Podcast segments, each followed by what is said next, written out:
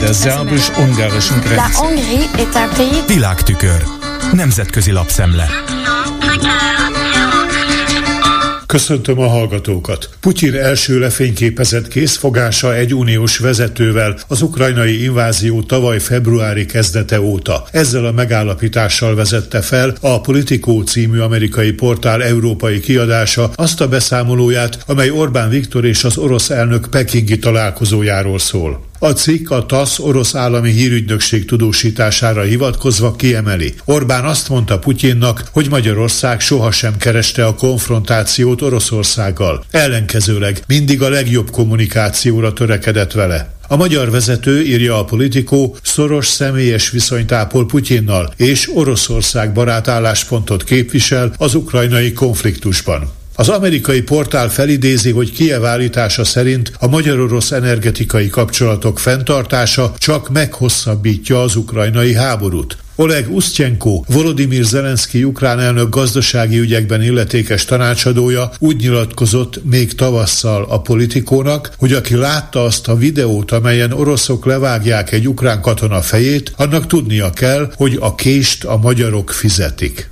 A Der Spiegel azt írja az Orbán-Putyin megbeszélésről, hogy az a magyar miniszterelnök szerint nehéz volt. Legalábbis így fordították oroszra Orbán szavait. A Krem főnöke ugyanakkor az elégedettségét hangoztatta. Az orosz állami média arról is képsorokat mutatott, hogy Szijjártó Péter külügyminiszter szívélyesen átöleli Alexei Millert, a Gazprom főnökét, miközben a legtöbb orosz, illetve magyar küldöttségi tag csupán barátságos készfogással üdvözölte egymást. Moszkvai média kommentárok úgy vélekedtek, írja a német hírmagazin, hogy az Orbán-Putyin találkozó szívrohamot vált ki néhány olyan nyugati politikusból, aki Ukrajnát támogatja a háborúban. A Der Spiegel idézi is Katarina Barlit, az Európai Parlament német szociáldemokrata pártállású alelnökét, aki szerint az, hogy Orbán hízelek Putyinnak, szégyen az eura nézve. Egy ilyen kormány, amely gyilkos rezsimekhez dörgölőzik, és amely az európai támogatási pénzeket módszeresen zsebrevágja, önhibájából elveszíti szavazati jogát a tanácsban, vélekedett Barli, és hozzátette. Az Európai Bizottságnak most az eddiginél határozottabban kell tovább továbbvinnie a Magyarország elleni szerződésszegési eljárásokat.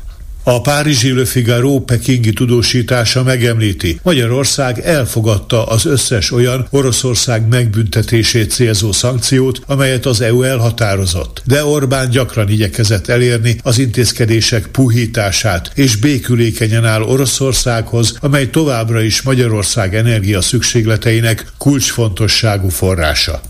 Lengyelországgal közelebbről a Donald Tusk részéről várható politikai irányvonallal kapcsolatban a legtöbb média kommentártól eltérő véleményt fogalmaz meg az Euraktív brüsszeli hírportál egyik írása. Ez számos európai fővárosban kedvezően fogadták ugyan a választás kimenetelét, és üdvözlik, hogy véget érhet a Brüsszellel folytatott kötélhúzás, ha a mostani ellenzék alakít kormányt, ám Donald Tusk vonzerejéről kiderülhet, hogy nem teljesen az van mögötte, ami látszik. A portál Slavomir Domarackinak, a Varsói Egyetem politikai elemzőjének a megállapításaira alapozza kételjeit. Szerinte a mostani ellenzék kormányra kerülésétől számos kulcskérdésben nem várható olyan drámai fordulat, mint amire Brüsszel számít. Ezen kulcskérdések egyike a migráció. Az Európai Bizottság menekültügyi reformjavaslatát eddig Lengyelország és Magyarország hevesen ellenezte. Az eddigi lengyel kormánypárt a PIS elutasította menedékkérők befogadását, és arra sem volt hajlandó, hogy pénzügyi eszközökkel járuljon hozzá a közös teherviseléshez.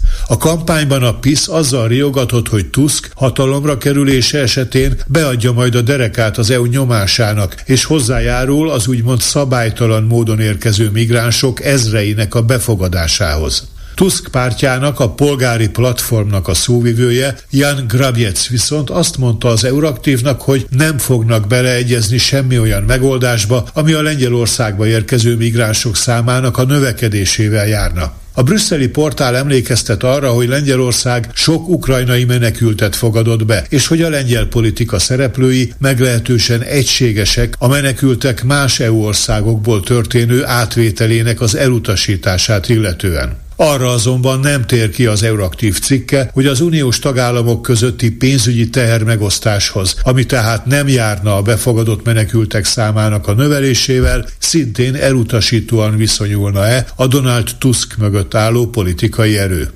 A Lengyelországgal kapcsolatos általános derülátás jellemzi ugyanakkor azt az interjút, amelyet a berlini Tageszeitung, a TAC közöl Timothy Garton Ash brit történésszel. A közép-európai térség elismert szakértője kiemeli, hogy az ellenzéknek a kormányoldal által teremtett tisztességtelen feltételek mellett is sikerült győznie, és ez most a liberális demokrácia helyreállítását jelenti. Figyelni kell ugyanakkor arra, teszi hozzá, hogy Andrzej Duda elnök és a Lengyel Alkotmánybíróság megpróbál majd ellenállni a liberális ellenzéknek. Ez volt ma a Nemzetközi Média Szemle Kárpáti Jánostól. Köszönöm a figyelmüket.